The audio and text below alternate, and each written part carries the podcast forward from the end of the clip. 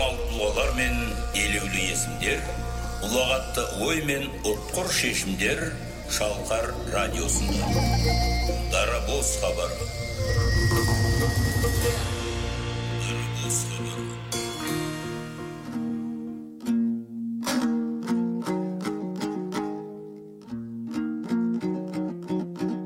армысыздар ата салтын ардақтап халқының қанына сіңген қасиеттерін қастерлеген ардақты ағайын өр рухты халқының тарихынан тағылым алып тереңнен зерделеуге ниетті өресі биік тыңдарман қауым айбынды алаш жұрты дейміз. Сіздермен бірге журналист жанар оразымбетқызы.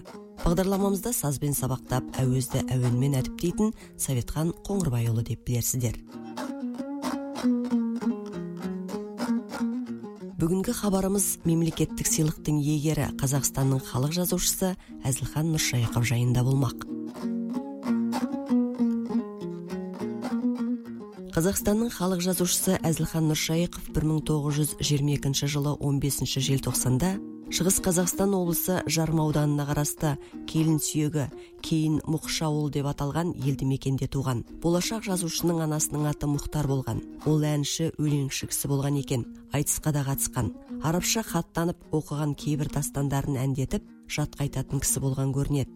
Әзілхан алты жеті жасқа келгенде анасы ауруға шалдығады. Түсініксіз дертке шалдыққан анасын жұрт сан саққа жүгіртіп мұхтарға оқу өтіп кеткен оқудың киесі шалған деген сипаттағы түрлі алып қашпа әңгімелер айта бастайды.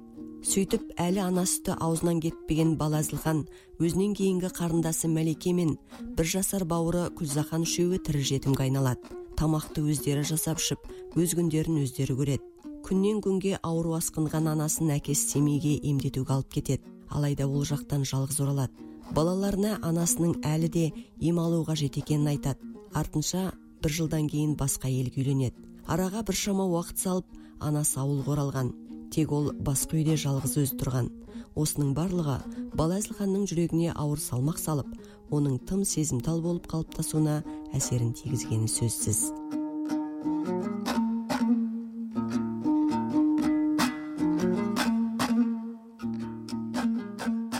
Соғысқа анасы мұхтар шығарып салған. Ал әкесі нұршайық ол уақытта майданда болған еді. Ол кісі 1943 жылы полтава маңындағы зубкова қаласының түбінде неміс фашист басқыншыларына қарсы украина жерін жаудан азат етіп жүріп қаза тапқан. Әзілхан нұршайықов соғыста жүргенде де қолынан қаламын тастаған жоқ. Майдан шебінде жүріп жазған өлеңдері мен әңгіме очерктері республикалық облыстық газеттерде жарық көріп отырды. Сондай ақ әзілхан ағамыз соғыс жылдарында әскери күнделік жүргізген. Ол соғысқа барған күннен елге оралғанша соғыс жайын сол кезде майданға бірге аттанған жолдастарының қазасы туралы жазып отырған. Жазушымен көзі тірісінде дидарласып балалық шағы мен жастық дәурені туралы аз кем сұхбат құрудың сәті түскен еді. Бүгінгі хабарымызда сол дидарғайып сұхбаттың бір парасын өздеріңізге ықшамдап ұсынғанды жөн көріп отырмын. Үнтаспа қазақ радиосының алтын қорында сақталған.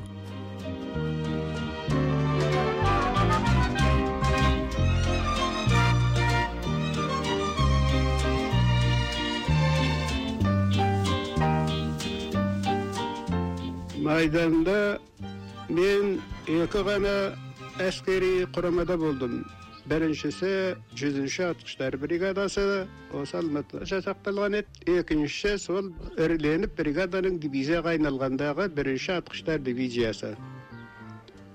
Осы екі құрамада менің көп құрдастарым сырластарым болды. Жүзінші бригададағылардың барлығы жиырма екінші жылы туған құрдастар едік. Соның бірі мәншүк мәметова апаларың болатын. Мәншүк те жиырма екінші жылғы еді.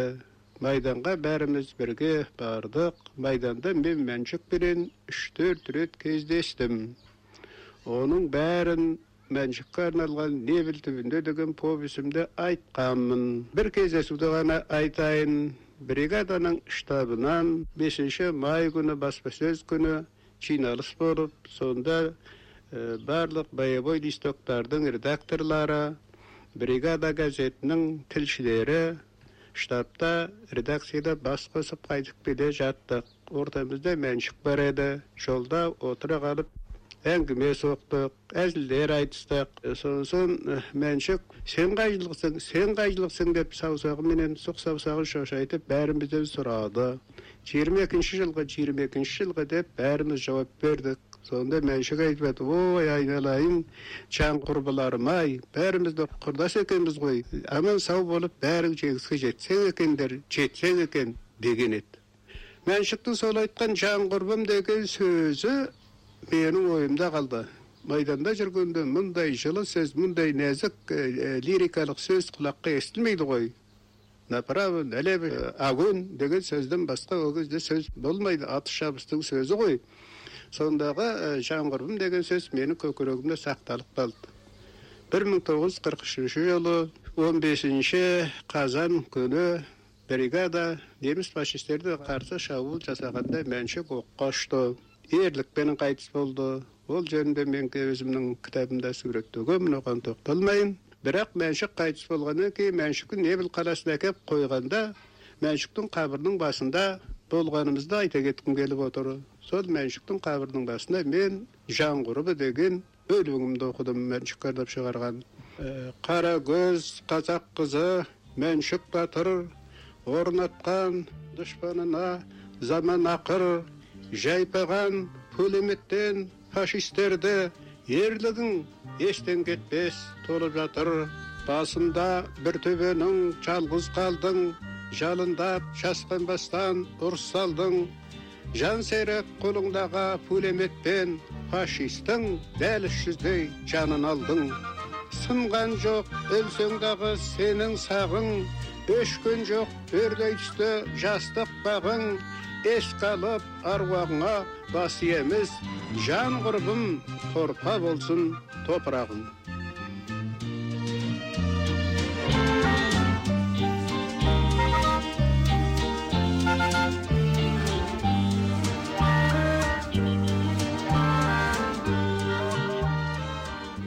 мінекей менің мәншікке қайтыс болғанда арнаған өлеңім осы еді.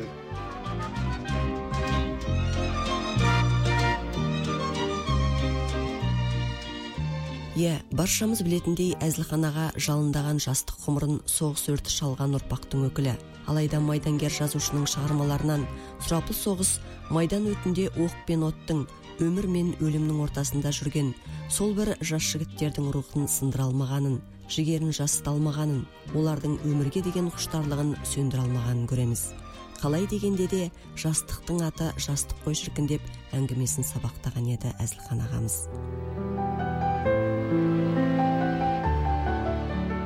Әзілхан нұршайықов соғыстың алдында бастап кеткен оқуын жалғастырып қазақ мемлекеттік университетін 1949 жылы бітіреді. Осы бір ғажап уақыттар туралы баяндалған махаббат қызық мол жылдар романы жастардың жастанып жатып оқитын туындысы болды. Дәл осы шығармасы арқылы оқырманның көңіл көкжиегінен мызғымас орын тепкен жазушы соғыстан кейінгі бірнеше буынның ең сүйікті жазушысына айналды. Айтпақшы кітап кейіпкерлерінің бәрі ой қиялдан тумағандығын олардың барлығы өмірде болған адамдар екенін майдангер жазушы өз әңгімесінде айтқан болатын. Соғыста жүргенде қыздардан хат алу деген бір керемет ғажап дүние болатын. Қыздардан хат алып жатқан жігіттердің рухы берік жайраңдап көтеріңкі жүретін. Сондай қыздардан көп хат алып көтеріңкі жүретін жауынгерлердің бірі мен едім.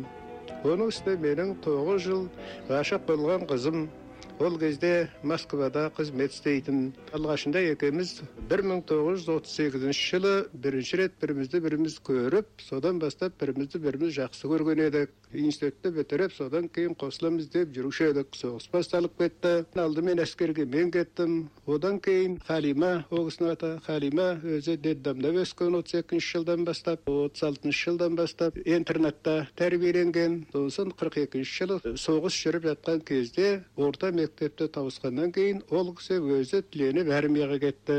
Алғашында радистка болды. Содан кейін москвадағы бас поштада военный цензор болып қызмет істеді. Сержант атағы болды. Соғыс кезінде Biz üzbey birimizden birimiz kat alışıp durduk. Kalimenin kelgen her katı bagan jiger, kuvat, kayrat beretin. Ol kısının şögergen sureti menin mına ömrü koltamda жүрді. Ömrü koltamda жүргенде suretin kuşunun kuvatının mıktılığı sonday. Жаудың минасы шырылдап маған қарай ұшып келе мен жаңағы сурет бар кеудемде соққа қарай тоса қойғанда жаудың оғы шашырап алыстап маған тимей алысқа кететін бұл енді әзіл ретінде айтылған сөз бірақ шынында сол болды сол сурет сол махаббат сол ықылас мені ұлы отан соғысында тірі қалуыма себеп болды. Мені жаудың оғынан аман сақтап қалды деп есептеймін.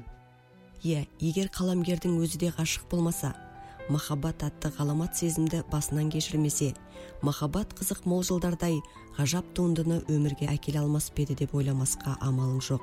Жары халимамен бір шаңырақтың астында ғұмыр кешкен елу төрт жылда дәл сол алғаш кездескен кездегідей ғашық болып өттік деген сөзі әлі есімде. Апамыз 1997 жылы ауыр науқасқа шалдығып ауруханаға түседі. Тумысында жылтыраққа аса әуес емес халим апай жұрттың сыйға берген сақина жүзіктерін жинап 15 шақты жүзік жасатады. Оның барлығын балалары мен келіндеріне қыздары мен күйеу балаларына немерелеріне таратып береді.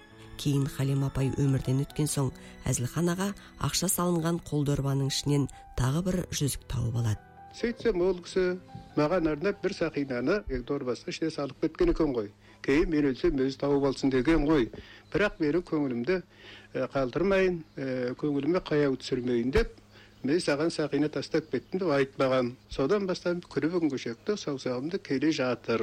Балаларыма содан кейін айттым мынау сақинаны мамаларың маған тастап кеткен екен баяғыда ертеде естай дейтін ақсақал ақын болған сол қорлан деген қызға ғашық болған екен сол қорланның сақинасын өмір бойы саусағынан түсірмей жүріпті дағы өлерінде өсиет етіпті. Қорланның сақинасын менің саусағымнан алмаңдар көмгенде мені қабырға сол сақинамен қоса көміңдер деген екен. Сол сияқты сендер мен өлгенде менің қолымнан мына сақинаны алмаңдар дедім балаларыма бұл сақина маған мәңгілік махаббаттың нұры сияқты мынау күнге шағылысқанда электрдің тоғына шалысқанда сондай болып менің қалименің жүзі сияқты болып маған жалт жылт етіп менің көзіме елестетіп тұрады бұл сақинаның тарихы осы қалқалар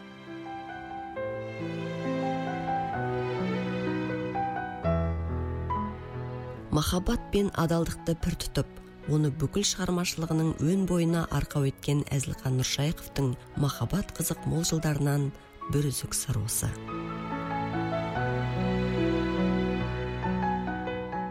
гректің атақты ақыны эврипид деген кісі болған. Оны өздерің білесіңдер. Сол эврипид екі рет үйленген екен. Ең алғашқы үйленген әйелі хейрилла деген келіншек сұлу сымбатты келіншек болған бірақ ол кісі өте жүргіш зинақор әйел болыпты. Содан кейін эврипидтің көзіне шөп сала берген. Сосын эврипид оған шыдамай ол әйелімен ажырасқан. Одан кейін екінші рет әйел алған бірақ екінші әйелі де сондай зинақор болып шыққан. Сөйтіп эврипидтің әйелден жолы болмаған. Одан кейін үшінші әйел алмай өзінің өмірін драма жазумен шұғылданған соған арнаған. Эврипид өзінің барлық драмаларында барлық жазған шығармаларында әйелдерді жамандаумен өткен әйелдер оңбаған әйелдер бұзық әйелдер алдамшы әйелдер алдакер әйелге сенуге болмайды деп неше түрлі әйелдердің басына барлық қиянаттардың бәрін әйелдердің басына ол кісі жапқан мінекей әйелдерді жамандап өткен жазушы соның ішіндегі ең атақтысы осы ибрибит болған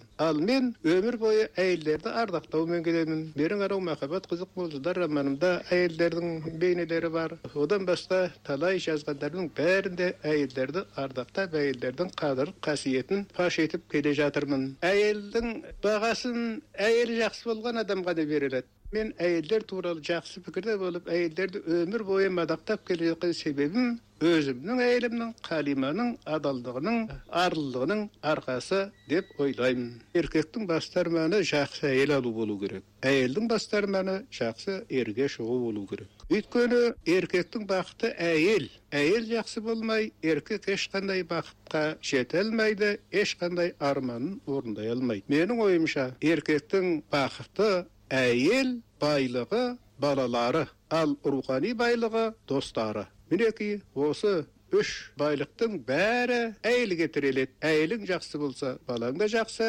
Әйелің келген достарыңды жолдастарыңды қадірлеп құрметтей білсе достарың да жақсы. Сондықтан мен өз басымды ең бақытты адамдардың бірімін деп бағалаймын. Есептеймін. Олай дейтінім кеше төрт жылға созылған ұлы отан соғысында мен жеті жүз сексен алты күн алғы шепте жүрдім жеті жүз сексен алты күн оқ пен оттың өтінде жауып тұрған бомбаның астында снарядтың минаның астында жүріп өмір сүрдім сол жеті жүз сексен алты күн танктермен де шайқастық атыстық бірақ мен тірі қалдым. Мінекей менің ең үлкен бақытым осы. Содан кейінгі екінші бақытым халима сияқты жақсы асыл жаралғаным. Сондықтан мен өзімді ең бақытты адамдардың бірімін деп білемін.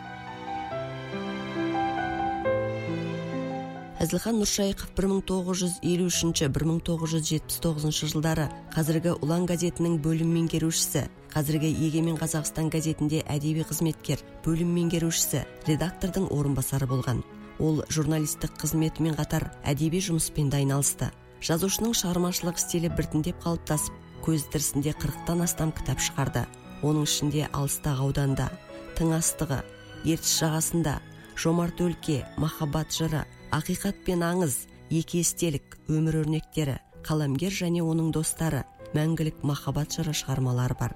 Әрине жазушының басқа шығармалары бір төбе. Ал бестселлерге айналған махаббат қызық мол жылдарының біздің әдебиеттегі орны бөлек дейді ғалым лев гумилев атындағы ұлттық университеттің профессоры халықаралық ақпараттандыру академиясының академигі мұратбек тоқтағазин. Әзірхан қазақ әдеби тарихындағы бестселлерге айналған шығарма жазып халқына сыйлап кеткен қаламгер мұндай бақыт екінің бірінің тағдырына жазылмаған. Ал әзірхан әзиз жүрегін жарып шыққан ол туынды махаббат қызық жылдар бұл роман жарық көрісімен қалың оқырмандардың басына жастанып жатып оқитын сүйікті шығармасына айналып алғашқы таралымда жүз мыңдаған таралыммен басылса да кітап дүкендерінің қызметкерлері оған сұраныстың кереметтігін айтудан жалықпаған ғой. Расында махаббат қызық мол жылдар үлкен тиражбен он екі рет басылса да халыққа жетпей жатқан ғой. Адамзаттың адамгершілік қасиеттерін адамды шынайы бақытқа бөлейтін махаббат сезімінің қаншалықты ғажаптығын шеберлікпен ашылған роман күні бүгінге дейін өзектілігін жойған жоқ. Қазіргі интернет иірімдерін шарлап кеткен жастардың өзі бұл шығарманы оқығандарын айтқанда жүздері нұрланып сала береді. Өйткені махаббат қызық жылдар ғасырлардан ғасырларға жететін қазақ әдебиетіндегі бестселлер туындылардың бірі. Заман өзгерсе де ол туындыда жазылған адамзаттық құндылықтар ескірмейді. Қайта саф алтындай жарқырай түседі. Жазушы бақыты дегеніміз осы. Тарихи зерде тамырына қан жүгірткен көшпенділер қаһар алмас қылыш сияқты тарихи шығармалары дүниеге келген кезде жазушы ильяс есенберлиннің сол уақытта небір сұрапыл сындарға ұшырағанын қарсылықтарға тап болғанын бүгінгі ұрпақ біле бермейтін ақиқат дәл сондай кеңес үкіметінің қылышынан қан тамып тұрған уақытта жазушыны қолдап тарихи шығармаларға араша болғандардың бірі де бірегейі осы әзілхан ағамыз болған еді. Бұл жайында белгілі әдебиеттанушы ғалым филология ғылымдарының докторы профессор айгүл ысмақова былай деп сөз сабақтайды.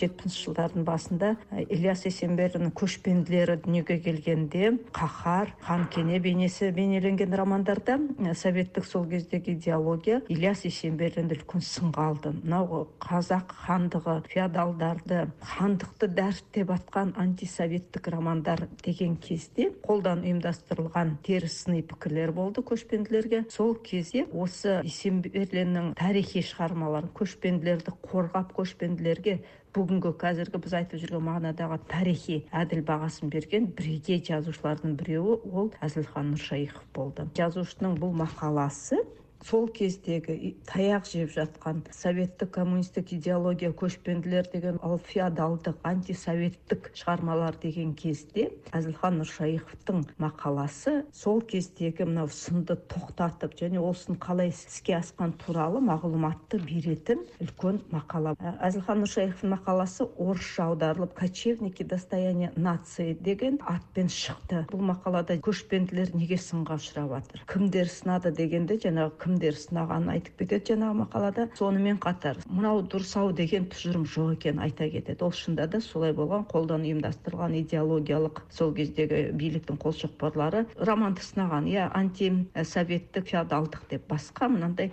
тарихи контекстінде бұл бізде жоқ тарихқа қатыс емес деп айта алмаған. Бұл мақалада әзілхан нұршайықов бұл романды көшпенділерді қолдаған сол кездегі жап жас рахманқұл бердібаев қалай жазаға ұшыраған. Рахманқұл бар болғаны қазақтың тарихи романы бар. Тарихи тақырыпты жазған ол тарихи роман. Оны ресей әдебиетінде жазып жатыр деп көшпенділерді қорғаған рахманқұл бердібаев сол кезде қудаланып жұмысынан кетіріліп казахский националист шовинист коммунистік партияның жаңағы шешімдеріне қарсы феодалшыл ғалым деп қараланып жұмысынан кетіріліп ғылымнан шеттетіліп антикоммунистік феодалшыл көзқарасы үшін шовинистік националист деген сондай біздің алаш зиялыларына тағылған айыппен рахманқұл бердібаев сол кезде осындай қудалауға түскенін біз осы әзілхан нұршайықов мақаласынан көреміз. Ал әзілхан нұршайықов сонда қалай жақтайды ильяс есенберлин романын ильяс есенберлин романы дейді лев николаевич толстойдың соғыс пен және бейбітшілік война и мира сияқты дейді. Тарихи контекст. Қазақ тарихының 15 бесінші ғасырдан келе жатқан тарихын жазған. Бұл тарихи тұлғалар абылай ханға дейін қазақ совет тарихында да аталатын абылай хан деп айтады дағы ол он бесінші ғасырдан келе жатқан алтын орда тарихын. Иә ол біздің қазақ жерінде болған тарих деп қазақтың тарихы екенін былай тікелей айта алмай соны лев толстой сияқты лев толстойдың соғыс бейбітшілік романы қандай болса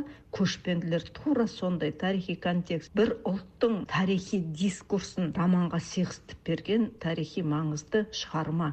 Сондықтан көшпенділер дейді нобель сыйлығына лайық деп айтқан тұңғыш кім ол әзілхан нұршайықов. Осы жерде әзілхан нұршайықов көшпенділерді гарсия маркестің сол кезде нобель сыйлығын алып жатқан романымен салыстырады да былай дейді. Ол жүз жылдық жалғыздық ол бір әулеттің ғана тарихы. Гарсия маркес сол үшін нобель сыйлығын алып жатыр ал көшпенділер дейді оның бер жағында хан кенесін бейнесін бөліп алады да көшпенділерді былай қойғанда дейді хан кене туралы жазған шығармасы роман. Бұл тарихи маңыздылық соншама дейді. Хан кене үшін бір роман үшін ильяс есенберлинге халық қаһарманы атағын беруге әбден лайық деп осыны тура осылай айтып дәлелдеп кенесары ханның соңғы қазақтың ханы екенін және ол ұлттық азаттық қозғалыстың қаһарманы екенін жазған әдебиетті тұңғыш ильяс есенберлин деп және осы роман үшін ильяс есенберлинді сынамақ түгіл оған халық қаһарманын беру керек деген тұжырымды сол кезде батыл айтқан коммунист соғыс ардагері соғыстың қасіретін шегіп аман есен келген соғысты басынан аяғына дейін өткізген әзілхан нұршайықовтың батырлығы деп айтуымыз керек.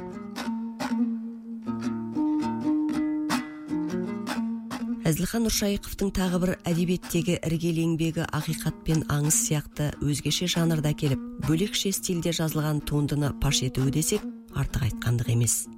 Әзілхан нұршайықов қазақ әдебиетінде өзіне ғана тән тақырыбымен айқындалған романист. Бірақ соның ішінде қазақ роман жанрына сол кезде одан кейінді орын алмаған роман диалог жанрын енгізген жазушы. Ақиқат пен аңыз не туралы? Өзі соғысқа қатысып келген әзілхан нұршайықов қазақтың атақты гвардия полковнигі бауыржан момышұлы туралы жазған шынында да ақиқат пен аңыз бар ғой өмірде. Соның қайсы ақиқат қайсы аңыз екен? Бауыржан момышұлы гвардия полковнигінің жас кезінен бастап одан кейін әскерді өтіп одан кейін соғысқа қатысып соғыстан аман есен келген тұлғасын тұңғыш рет суреттеп берген роман диалог ол ақиқат пен аңыз. Роман диалог жанры таңдалғаны сол заманда жаңалық болғанымен қарасаңыз бауыржан момышұлы туралы айту үшін жазушы отырып алып басқа кейіпкер мынау деп жаза алмайтын тұлға болғандықтан әзілхан нұршайықов ақиқат пен аңызды диалог ретінде құрастырған жазушымен жаңағы араларында сұрақ жауап пікір алысу ретінде берген романда бүкіл өмір жолы отан соғысының басынан бастап соңына дейін не істеп не қойды деген сөздерді бауыржан момышұлы өз аузымен айтқызады және одан сауал қойып соны талап етіп сұрап отырған соғыс ардагері әзілхан нұршайықовтың алдында соғыс туралы шындықты айтуға мәжбүр болғанын біз осы жерде ескеруіміз керек. Ақиқат пен аңыз роман жазу үшін тура әзілхан нұршайықов сияқты соғыстың қиыншылығын көріп оны аман есен бітіріп келген әзілхан нұршайықов сияқты соғыс ардагері болу керек. Бауыржан момышұлын сөйлету үшін әзілхан нұршайықов сияқты әдепті адам болу керек. Соғысты білгені жеткіліксіз. Бауыржан момышұлын сөйлету үшін ол кісінің бабын тауып соғыста алған жаңағы үлкен депрессиялық әсер сезімдерін ескере отырып әдептілікпен бауыржан момышұлын сөйлете білу және соны жазып роман етіп соңына дейін бітіру ол әзілхан нұршайықов сияқты өте әдепті адамның әзілхан нұршайықов сияқты соғысты көріп әзілхан нұршайықов сияқты адамдармен ара қатынаста зиялылықты адалдықты және ақиқат пен аңызды ажырата алу үшін жазып отырған романның қажеттілігіне арта білген бүкіл әңгімені үлкен жазушылық сондай бір дарындылық керек та. Бауыржан момышұлы туралы жазушы жазса біз оған сенбес едік ал бауыржан момышұлы өз сөзімен өзінің жаңағы азаматтық балалық шағы жас кезі сосын азаматтық кезі және ерліктің қандай ерліктер істеді соны кейіпкер өз сөзімен айтқанда шынында да оны айтып отырған жазушыға ә, соғысты көрген жазушыға тура сол қалпында шынайы етіп беруі ол көркемдік жетістік болғанымен бұны осылай айтқызып сөйлетіп осылай дәріптеп алу үшін әрине нұршайықов сияқты шебер жазушылық керек талғам керек кісімен сөйлесуге. Иә жазушы мінезіндегі ізеттілік асқан төзімділік оның кейіпкерінің жан дүниесін үңіліп қаһарман бірбеткей тұлғаның қайтпас қайсар мінезіндегі ерекшеліктерді дөп басып терең ашуға сеп болғаны анық. Сізді біреулер теріс азу тентек атағысы келген бе қалай өзі бауке деп сұрақ қоюының өзінде де көп мән бар. Табиғатында шындықты сүйетін жазушы осындай тосыннан оқыс сұрақтарды қой отырып өз кейіпкерінің бойындағы тік мінезділіктің төркінін танытпақ болады. Ақиқат пен аңызды оқысаңыз соғыста қорықпайтын адам болмайтын. Соғыста мінекей қазір оқ тиеді ғой деп өлімнен қорықпайтын адам болмайтын осы ақиқат пен аңыздан көреміз. Өмірінің әр минутына дейін қадірін білгендігін жаңағы ақиқат пен аңыздағы бауыржан момышұлы мен әзілхан нұршайықов жазушының диалогынан танимыз. Соғыс сондай қорқынышты соғыстың сондай сұрап соғыс адамның тәнін ғана жараламайды адамның жанын жаралайды. Соғыс адамды мертіктіреді жанын да мертіктіреді тәні жарақаттаған адамның жаны да тура солай жарақаттана салтанаты туралы бауыржанның момышұлының жаңағы берген жауаптарында және осыны меңзеп отырған жазушының диалогтарынан көреміз. Екінші дүниежүзілік соғыста қолбасшысы бауыржан момышұлы және сол кезде қандай стратегия қандай тактика пайдаланды? Соғыс жүргізу тәсілінде қазақ білмейтін ресейдің орманының қасындамыз не ашық алаңда не орманның ішінде. Сондай стратегия мен тактикасын анықтап бауыржан момышұлы аузынан шығарып алған осы соғыс жүргізу әдістерін стратегиясы мен тактикасын әрине бұл ветеран әзілхан нұршайықов үшін өте маңызды болды. Тек кейіпкер бауыржан момышұлы емес әскери адам ретіндегі бүкіл амалдары стратегиясы мен тактикасы қай жағдайда қай ситуацияда қалай іске асқанын сөйлетіп алған. Романда бауыржан момышұлы өзі айтқандай қазақ ауылының тәрбиесі әке тәрбиесін көрген ұл мен әже тәрбиесі ананың мейірімін көрген бауыржан момышұлы жас кезінен қазақтың балаларына сай өтірік айтпа тура жолда жүр біреудің ала жібін аттама деген басты құндылықтарды меңгеріп алған бауыржан момышұлының қазіргі қаһарманға дейінгі бүкіл өмір жолы осы роман диалогта іске асқан және әдемі көркем сөзбен бейнеленген. Ақ жүректі бауыржан момышұлы ол кім? Батыр бауыржан момышұлы ол кім? Әке болған бауыржан момышұлы ол кім? Полковник бауыржан момышұлы осының аңыз бен ақиқатын роман диалогта үлкен шеберлікпен іске асырған әзілхан нұршайықов қазақтың роман диалог деген жанрын совет кезде социалистік шектеулер кезінде бауыржан момышұлы тұлғасы арқылы және өзінің шеберлігі жазушы дарындылығы арқылы іске асырып роман диалог жанрын бізге орнықтырып кеткен бірегей романист.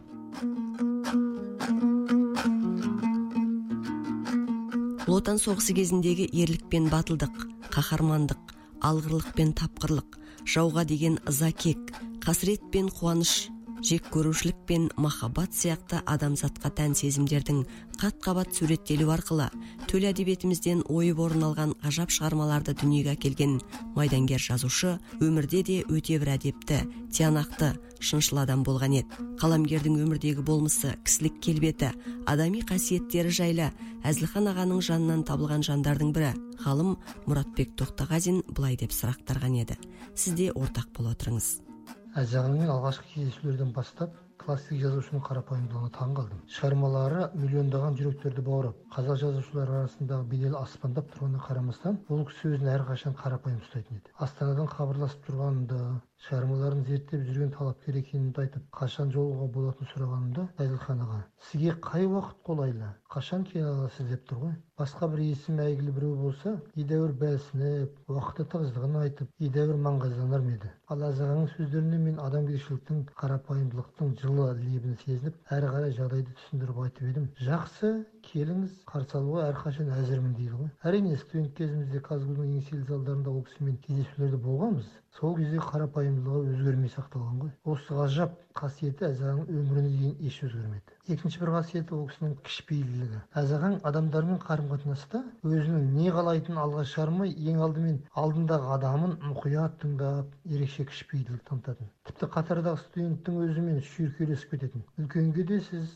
кішіге де сіз деп сөйлейтінінің куәсі болдым. Кітап дүкеніне немесе басқа бір кезекте тұратын жерге барса өзінің атақты жазушы екеніне қарамастан кезектің соңына тұра салатын. Ондайда жазушыны танып қалатындар көп болады. Ағай кезексіз өте беріңіз деп қиылғандарына қарамастан жоқ ниетіңізге рахмет. Сіздер де уақыттарыңызды жұмсап кезекте тұрсыздар ғой. Мен де өз кезегіммен кіремін дейтін. Әзағаңның тағы бір мінезі бұл мінезіндегі аңқылдақтық. Табиғатында әзілхан аға ерекше аңқылдақ болған еді. Кісі баласына қабақ түйіп салқынқандылық танытқанын көрген емеспін. Әз ағамен бір әңгімелесіп отырғанымызда алматы облысының бір мектебінен әдебиет пәнінің мұғалімі телефондап оқушылармен кездесуге шақырды. Әзағаң жаңа қарапайым ұстазбен аңқылдай сөйлесіп мекен жайларын сұрады да ешқандай да басқа әңгіме айтпай ақ оқушылармен жүздесуге баратынын жеткізді. Басқа біреу болса көлік жібересіздер ме дер ме еді?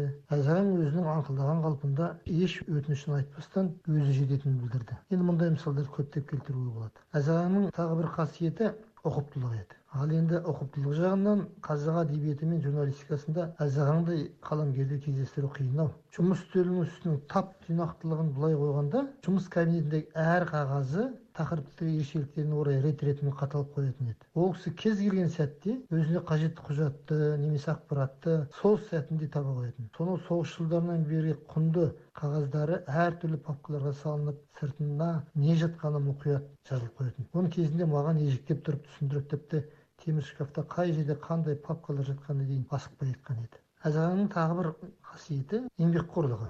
Әзағаңның еңбекқорлығы аңыз десем қателеспеспін қашан көрсең қолынан қалам сабы түспейтін еді ғой? Ол кісі бап таңдамайтын. Таңертеңгісін ерте тұрып сәл нәр сызған соң үстеліне келіп жазуға жайғасатын. Мен осы бағытта сұрақтарымды қойғанымда ол кісі тәптіштеп айтып берген есімде. Бірқатар шығармаларын үйдегі жеңгеміз қалима қалиақбарқызы машинкаға басып бергеніне қарамастан ол кісі қайта қарап мәтінді тағы да редакциялап ең жоғары кондициясына жеткізгенше тоқтамайтын еді. Кейіннен компьютерді қолданды. Әзағаң сөз қасиетіне киесіне ерекше мән берді. Қазақстанның халық жазушы шығармаларының әрбір әрпінің өз орнында тұру жауапкершілігін терең сезінді. Ол кісінің еңбекқорлығы тіпті қарапайым тіршіліктің өзінен де байқалатын. Бір адамның мерейтойына немесе шарасына барарда өз сөздерін қағазға түсіріп оны полиграфиядан шығартып барған жерінде ерінбестен оқып беретін. Бұдан артық қандай еңбекқорлық керек? Әзілхан нұршайықов қай нәрсеге болса да азаматтық ар өлшемі тұрғысынан қарайтын адам еді. Ол көз көргендердің есінде биік парасат иесі кісілігі мол нағыз адам ретінде қалды. Тағы бір ерекше адами қасиет азаматтық еді. Әзілхан нұршайықов шығармашылық өмірінде азаматтық позицияны берік ұстанды. Ол кісінің өмірбаянымен танысқан жандар көптеген мысалдарды кездестіре алады. Кезінде қаһарман қаламгер ұлтымыздың ұстар батыры бауыржан момышұлына кеңес одағының батыры атағын беру туралы компартияның дәуірі тұрған тұста әзағаң ға хат жазуды ұйымдастырып оған еліміздегі белгілі тұлғалардың қолын қойғызып бірнеше жыл жүргенін зиялы қауым жақсы біледі. Сондай ақ бір мың тоғыз жүз сексен алтыншы жылғы желтоқсан көтерілісінен кейін жастарымызға ұлтшылдық жаласы жабылғанда азуы алты қарыс кеңес компартиясынан қаймықпай бас хатшысына өз атынан хат жазған ерлігі үлкен бір әңгіменің жүгі. Одан бері де елімізде өткір саяси әлеуметтік мәселелерге байланысты политикалық еңбектері өз алдына бір төбе. Әзағаңның тағы бір қасиеті шыдамдылығы. Бұл енді өз алдына жеке бір әңгімеге жүк болатындай. Жас кезіндегі тағдыр қиындығына шыдас берген табандылығы мен қайсарлығын айтпағанда шығармашылық жолдағы қиындықтарға төтеп берген шыдамдылығы аңызға бергісіз. Екінші дүниежүзілік соғыс кезіндегі окопта жатып қырғын сүргінді бастан кешірсе де ерекше шыдамдылықпен соғыс күнделіктерін от пен өрттің ортасында жүріп жазған шыдамдылығына таңдау мүмкін емес. Тағы бір қасиеті әзағаңның зерделілігі. Әзілхан аға өмір бойы күнделік жазған қаламгер екені көпшілікке мәлім. Оның өзі ондаған том ал белгілі тұлғалармен жүргізген сұхбаттарын ол кісі диктофонды қолданбай ақ зердесіне тоқып алып отырған. Кейіннен сол естігендерін айнытпай қағазға түсіріп отырған ғой. Мәселен атақты мәлік ғабдуллин мен ұлттық ғылым академиясының маңайында далада жүріп сөйлескен әңгімелерін сол қалпында қағазға түсіргенде атақты академик әзіл ағаның зерделеуіне таң қалыпты мұндай мысалдар көп. Буниннің шығармаларын шолоховтың адам тағдыры павленканың жарияланбаған хат әңгімелерін якобсонның қорқау пьесасын және тағы басқа туындыларды тәржімалап өзінің аудармашылық қырында таныта білген әзілхан нұршайықовтың қазақ журналистикасына сіңірген еңбегі ұшан теңіз бір сөзбен әзілхан ағаны қазақ журналистикасының қайыспас қара нары болды деуге болады. Тағы бір айтып көрсететін жағдай әзіған классикалық журналистиканың қыраны. Қазір блогерлік әртүрлі дамып тұрған заман ғой. Ал әзіғаның отандық журналистикадағы орны бөлек оғлан екендігі сөзсіз.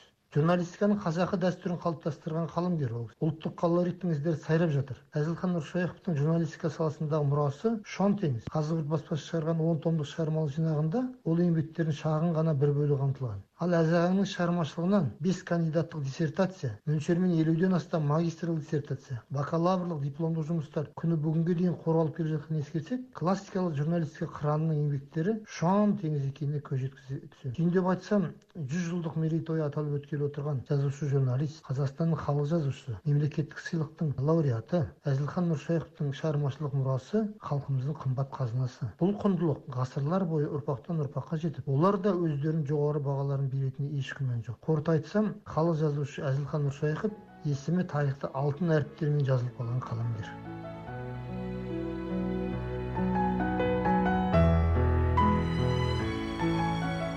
Міне осымен мемлекеттік сыйлықтың иегері қазақстанның халық жазушысы әзілхан нұршайықов жайында болған дарабоз хабар аяқталды.